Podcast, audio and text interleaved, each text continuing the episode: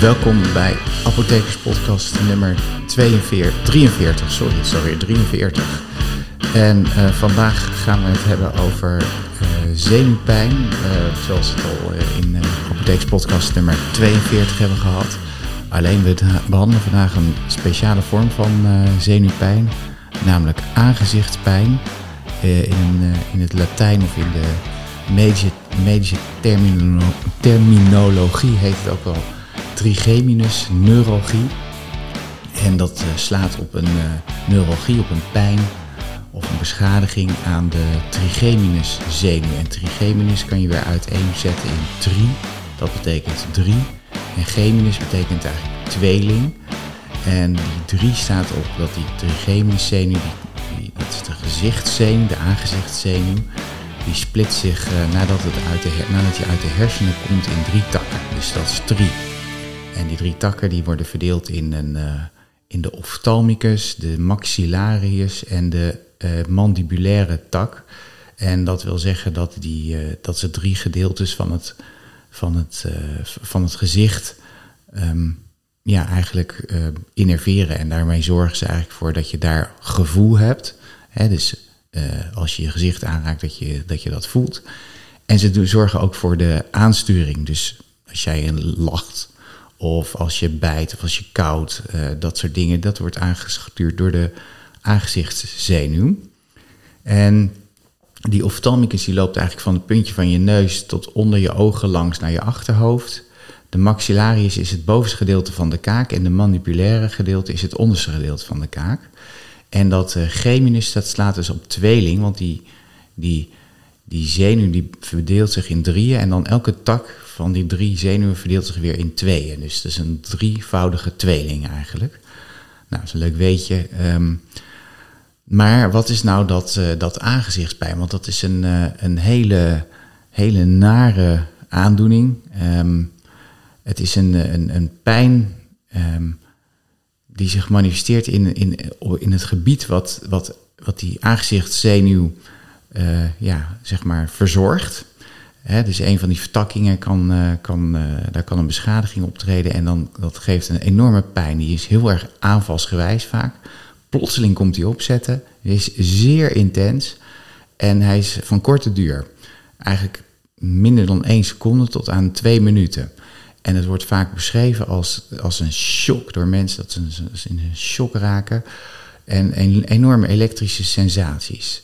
En die pijn die wordt eigenlijk getriggerd uh, die wordt eigenlijk uitgelokt door nou, relatief onschadelijke uh, stimuli. dus als je je gezicht, uh, die stimuli kunnen zich bevinden in het gezicht of in de mondholte, overal waar die zenuwvertakkingen heeft. En dat kan zijn een windvlaag, het kan zijn tandenpoetsen, het kan zijn aanraking. En in, uh, tot 99% van de mensen die uh, trigemische neurologie hebben, herkent die trigger ook. Dus er zijn eigenlijk drie criteria. Hè, dat de pijn zich manifesteert in het verzorgingsgebied van die zenuw. Dat, uh, dat die plotseling komt opzetten, zeer intens is, van korte duur is. En dat, die, dat er een trigger is die die pijn kan veroorzaken. Um, nou, die pijn komt het meest voor in het gedeelte van de onderkaak en de bovenkaak, hè, dus het mandibulaire en maxillaire gedeelte. En, um, en het is ook nog zo dat de, het vaker voorkomt aan de rechterkant van het gezicht dan aan de linkerkant. Incidenteel en echt zeldzaam komt het wel eens aan twee kanten van het gezicht voor, maar dan is er vaker een onderliggende oorzaak waardoor die zenuw uh, geïrriteerd raakt. En het komt vaker voor bij vrouwen, trigemische neurologie. En uh, de frequentie van die trigemische neurologie die neemt toe bij het vorderen van de leeftijd, wat natuurlijk eigenlijk heel logisch is. En um, nou ja, de Universiteit van Rome die heeft, um, heeft uitgezocht in, in hoeverre die, uh, die, die dagelijkse bezigheden die je hebt nou kunnen zorgen voor zo'n uitlokking van zo'n trigeminus, van zo'n zo'n zo'n pijnscheut.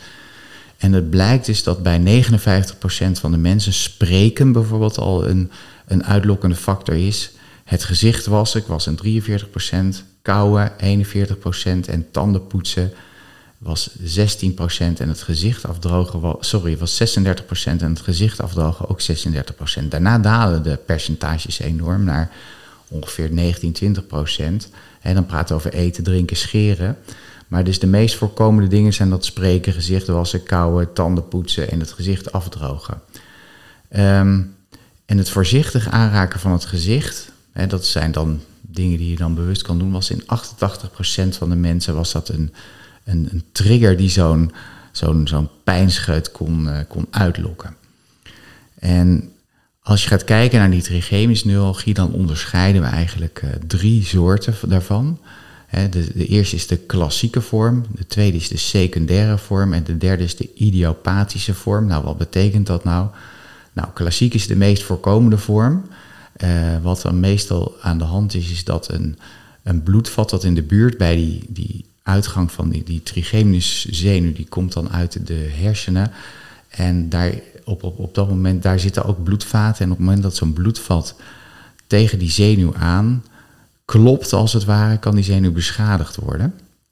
Dat is de meest voorkomende vorm. Um, dus de secundaire vorm, dat betekent dat er een onderliggende ziekte aan ten grondslag ligt. Die komt voor in 15% van de gevallen. En vaak zijn dat uh, ziektes als multiple sclerose of soms zijn dat ook een uh, tumoren. En uh, die kunnen dan, vaak zijn die, zijn die onschuldig, maar die kunnen wel die, kunnen wel die zenuw in de verdrukking brengen. En bij idiopathische en trigemische neurologie of aangezichtspijn is er eigenlijk geen herkenbare oorzaken gevonden.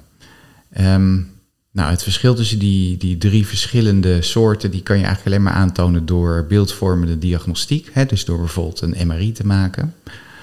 En um, nou ja, dat, dat wordt vaak ook gedaan op het moment dat mensen daar last van hebben. Uh, nou, hoe ontstaan nou die klachten? Nou, dus bij het verlaten van de hersenen, wat ik net al vertelde, daar, daar komt die, die zenuw, die aangezichtszenuw, komt daaruit. Die komt uit de pons, dat is een gedeelte van de hersenen. En die zenuw, die zijn allemaal mooi geïsoleerd. En binnen het centrale zenuwstelsel, dus binnen de hersenen, wordt die zenuw geïsoleerd door, en zenuwen worden altijd geïsoleerd door myeline. Dat is een uh, soort pannenkoekje die om een zenuw opgerold zit en zorgt eigenlijk voor de isolatie. Nou, die myeline, dat wordt in de, binnen de hersenen, binnen het centraal zenuwstelsel, veroorzaakt door oligodendrocyten. Dat zijn, uh, dat zijn glia, dat heb ik ook een keertje uitgelegd bij de, de podcast over depressie.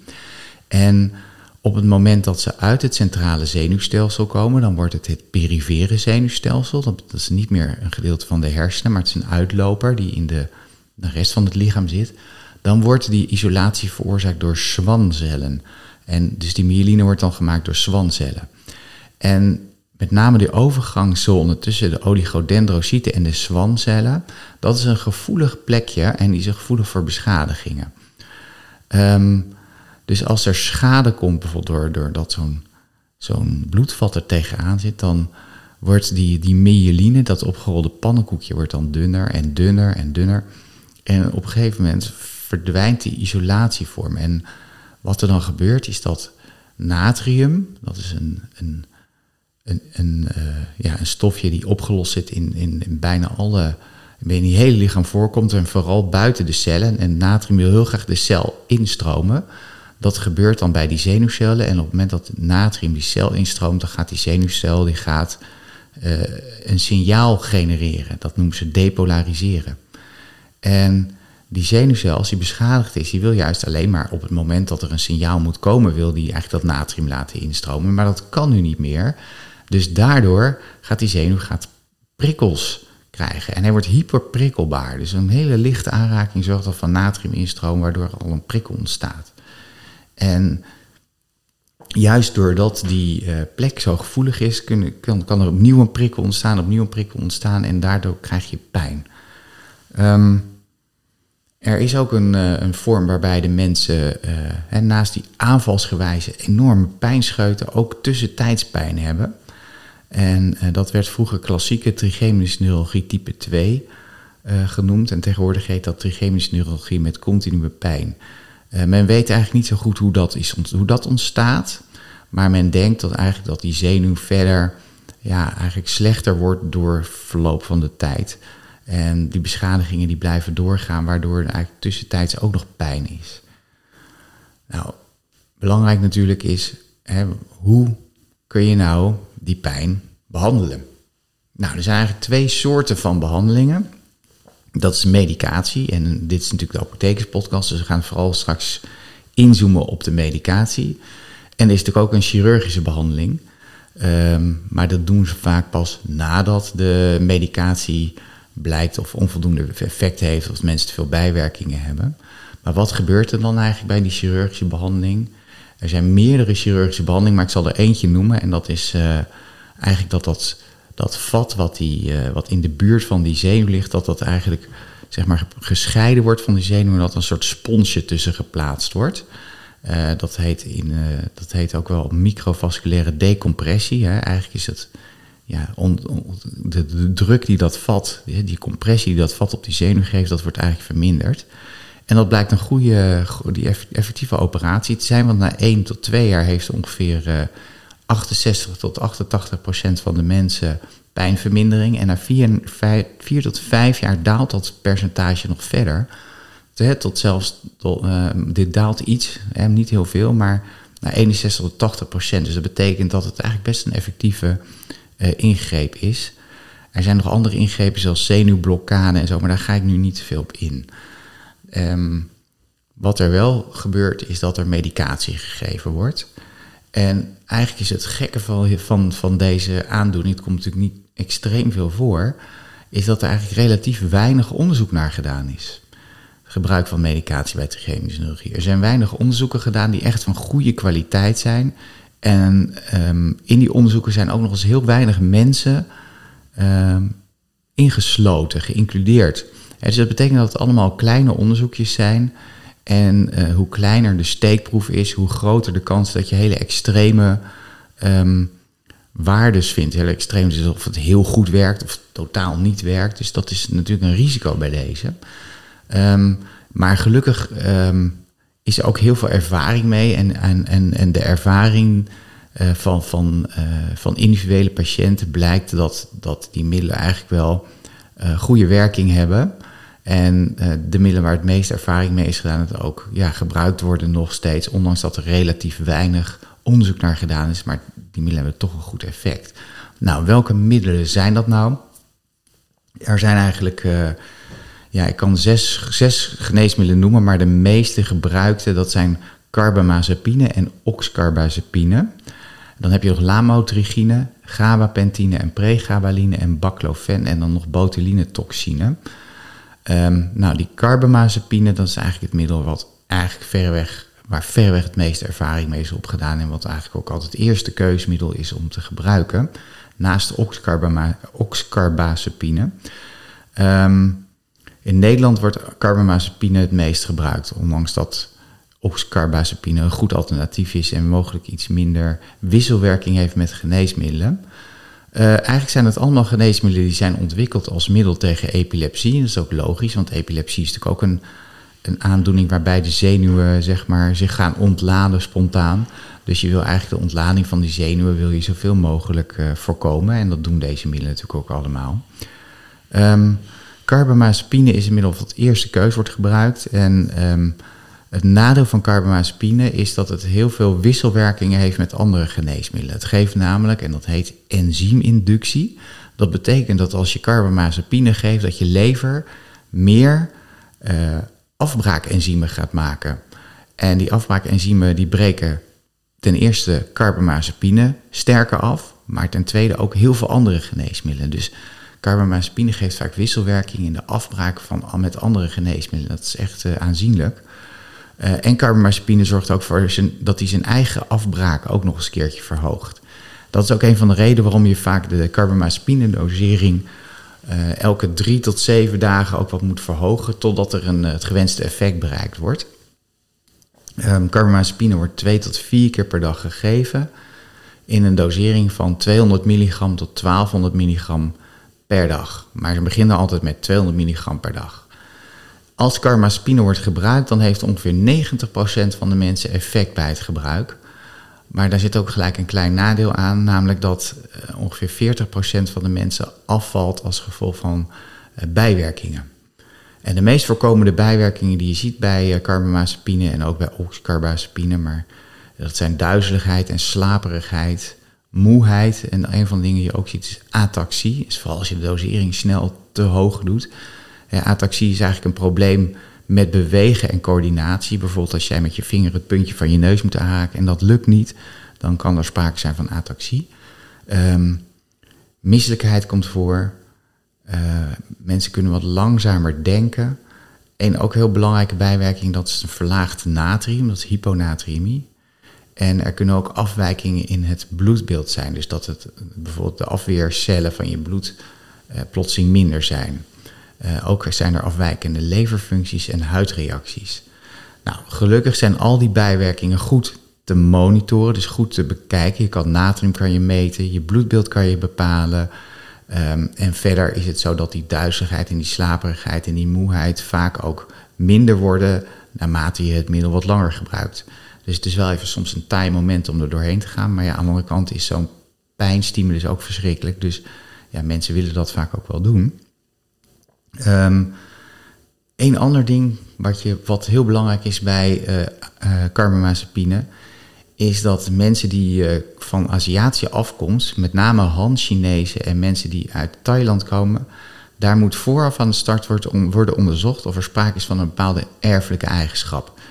En die erfelijke eigenschap die heet het HLA-B-ster 1502 allel. Mag u gelijk weer vergeten. Maar het is wel belangrijk dat uh, mocht u van Han-Chinese afkomst zijn of van Thaise afkomst zijn... en u moet carbamazepine gebruiken, dat u dat laat testen. Um, er is namelijk een risico dat als mensen dat allel hebben... Hè, die erfelijke eigenschap aanwezig is dat carbamazepine een ernstige huidreactie kan geven. En dat is met name het, uh, het Stevens-Johnson-syndroom. Of dat kan, als dat erger wordt, dan heet het toxische epidermale necrolyse. Dat betekent eigenlijk dat je huid, er staan allerlei blaren aan de huid. En op het moment dat meer dan 30% van je lichaam is, uh, uh, zeg maar, uh, die blaren heeft, dan spreek je van toxische epidermale necrolyse. En als het minder dan 10% is, dan praat je over een Stevens-Johnson-syndroom. Dat is een zeldzame aandoening, maar wel buitengewoon ernstig. Mensen moeten worden opgenomen in de, vaak op de intensive care. Soms moeten ze naar, uh, ja, moeten ze naar het brandwondencentrum. de huid laat los en het geeft hele erge blaren. Dat is heel naar.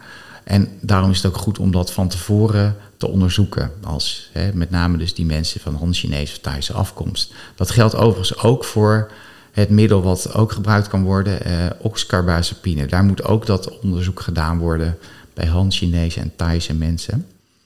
Um, hyponatremie is een, uh, is een aandoening die, uh, die ook veel voorkomt. En um, die wordt in verband gebracht met, met het ontstaan van, ook van, uh, van botontkalking. Dus langdurige hyponatremie kan osteoporose of botontkalking geven. Maar hyponatremie verhoogt ook de vervalkans. Dus met name met mensen met hoge leeftijd waarbij een hyponatremie optreedt, moeten we heel erg uitkijken dat ze niet vallen. En zeker als ze ook al wat uh, duizelig worden door die carbamazepine, moet je dus heel voorzichtig beginnen en, en dingen goed monitoren. Um, oxcarbazepine Qua naam lijkt het heel erg op carbamazepine, qua chemische structuur ook. Uh, het heeft minder sterke wisselwerking van geneesmiddelen, omdat het veel minder die, die enzymen, die afbraakenzymen induceert in de lever. Dus uh, het heeft daardoor minder wisselwerking met andere geneesmiddelen. Het werkt ook goed, maar het wordt gek genoeg in Nederland veel minder gebruikt dan carbamazepine. Carbamazepine is ook veel ouder, dus het is ook niet zo heel raar. Um, en het heeft verder een, vaak een wat sterker dempende werking op de hersenen, op het centraal zenuwstelsel. Ook hyponatremie komt hier frequent voor, dus het is ook goed om dat te bepalen. Um, nou ja, um, oxcarbazepine en carbamazepine hebben uh, eigenlijk een soort remmende werking op die instroom van natrium in de zenuw, hè, wat een van de oorzaken is van dat, uh, van dat. En, um, maar dat gebeurt ook in uh, hartspierweefsel. En daardoor is het belangrijk om voorzichtig te zijn bij deze middelen als mensen ook geleidingsstoornis van het hart hebben. Dus er moet altijd goed naar gekeken worden. En er moet overlegd worden met de cardioloog. Misschien moet er een ECG gemaakt worden. Uh, dus dat is belangrijk. Let ook op de rijvaardigheid. Het middel beïnvloedt de rijvaardigheid. Dus je moet inderdaad even kijken of dat zomaar kan. Het kan per land verschillen hoe, uh, hoe, dat, hoe dat uh, bepaald is.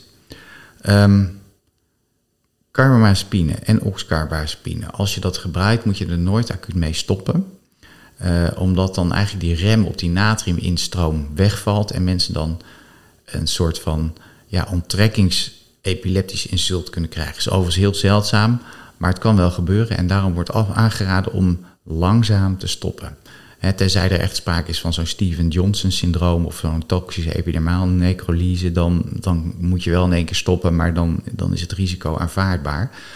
Um, het afbouwschema is 200 milligram per week naar beneden voor carbamazepine en 300 milligram per zeven dagen naar beneden voor oxcarbazepine. En daar blijkt eigenlijk al dat 200 milligram carbamazepine eigenlijk gelijk is aan 300 milligram oxcarbazepine. He, dus oxcarbazepine komt uh, overeen, die, die dosering is uh, eh, 1800 milligram, 300 tot 1800 milligram per dag in, uh, bij trigeminus neuralgie. Dat had ik niet verteld, maar dat, bij deze zeg ik dan nog even. Um, een ander middel wat wel gebruikt wordt, maar waar eigenlijk veel en veel minder ervaring mee is en veel minder onderzoek naar is gedaan, dat is lamotrigine. Maar het kan natuurlijk zijn dat mensen toch carbamazepine of oxcarbazepine niet verdragen. Dan wordt soms ook wel eens uh, lamotrigine gebruikt. Soms wordt het toegevoegd ook aan oxcarbamazepine, carbamazepine. Um, het nadeel van lamotrigine is dat je het heel langzaam moet ophogen. Uh, eerst moet je 25 milligram twee weken gebruiken, dan een week 50 milligram en dan elke week moet je het ophogen met 50 milligram tot maximaal 400 milligram per dag. En ook hier is afbouwen met 50 milligram per 7 dagen belangrijk. Als je dit middel te snel gaat opbouwen, dan ontstaat er meer kans op huidreacties en, uh, en die zijn vervelend. Uh, verder is, de uh, is er als bijwerking bij lamotrigine duizeligheid en slaperigheid en moeheid. Uh, soms ook wat maag-darmstoornissen, zoals misselijkheid en zo. Het geeft uh, verhoging van je irritatie, je kan wat geagiteerder worden. Soms geeft het slaapproblemen. Um, ja, het is dus eigenlijk niet geschikt voor een snelle afname van de pijn. En het wordt ook relatief weinig gebruikt. Um, maar er zijn mensen die er toch heel veel nut en heel veel baat bij hebben. Dan heb je nog gabapentine en pregabalin. Die worden eigenlijk ook heel veel gebruikt bij neuropathische pijn. Um, het nadeel van uh, wat er bekend is over gabapentine en pregabaline bij een trigemische neurologie... is dat eigenlijk alle publicaties in het Chinees zijn gedaan... en uh, zijn vergeleken met carbamazepine... en dat het onderzoek daardoor voor westerse uh, wetenschap moeilijk te interpreteren is... Um, de ervaring is dat het wel effectief is, maar minder, minder effectief dan carbamazepine of oxcarbamazepine. Uh, vermoedelijk heeft het ook wel iets minder bijwerkingen. Uh, nou, de doseringen dan voor gabapentine is uh, 300 milligram elke drie dagen. En dan, of sorry, 300 milligram start en elke drie dagen met 300 milligram ophogen tot maximaal 3600 milligram per dag. Je blijft het drie keer per dag doseren. Ook hier is afbouwen belangrijk met 300 milligram per week. Uh, de bijwerkingen die je ziet zijn vooral duizeligheid. Ook dat ataxie komt voor. Dat is logisch omdat het middel in, het, eigenlijk in de hersenen werkt ook. Het geeft soms verwardheid en ook gewichtstoename komt voor. Uh, bij pregabaline kan je 150 milligram uh, geven. Daar start je mee. En dan met 150 milligram kan je, de je kan elke zeven dagen de dosering verhogen. Uh, tot een maximum van 150 tot 600 milligram per dag. En dat moet je dan in twee doses doen. En ook hier is het afbouwen geblazen met 100 milligram per zeven dagen. Als het niet werkt of onvoldoende effect heeft of veel bijwerkingen geeft. De bijwerkingen zijn vergelijkbaar met, uh, met gabapentine. Dus ook weer duizeligheid, ataxie, verwardheid, gewichtstoename. Uh, bij baclofen, dat is ook een middel wat gebruikt wordt, maar dat wordt eigenlijk vooral gebruikt bij mensen met multiple sclerose. Die hebben vaak ook een soort, ja, die kunnen ook spasticiteit hebben. En daar werkt baclofen dan tegen. En dat geeft dan toevallig ook wat meer effect op de trigeminus. Maar die is verder heel erg weinig uh, over bekend. En dan heb je nog botulinetoxine A. Dat wordt toegediend, hè, dat is een, uh, van, een, uh, van een bacterie die botulisme onderzoekt. En dat geeft eigenlijk een soort verlamming van je zenuwen.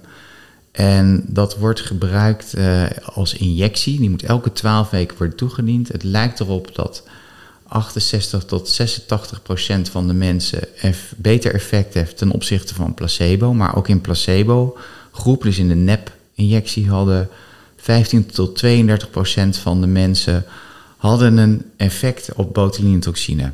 Nadat dat je die injectie natuurlijk elke uh, 12 weken moet krijgen, dus dat is niet heel erg uh, prettig. Dan zijn er verder nog wat, um, uh, wat nieuwe ontwikkelingen en dat zijn de, de, de geneesmiddelen die werken op de natrium 1.7 kanalen. Ik ga daar nu niet verder op in, omdat dat uh, nog een beetje in de kinderschoenen staat. Maar men verwacht daar wel, zowel voor zenuwpijn als voor trigemische neurologie, best goede resultaten van. En uh, daarmee zijn we weer aan het einde gekomen van de uh, Apothekerspodcast. Je kunt de podcast beluisteren op Apple Podcasts. Je kunt ook een, een review achterlaten als u dat leuk vindt. En ik wil u weer danken voor uw voor, uw voor het luisteren en voor het afstemmen op de Apothekerspodcast. En ik hoop u volgende keer weer aan, aan uw iPhone gekluisterd te zien. Hartelijk dank en tot ziens.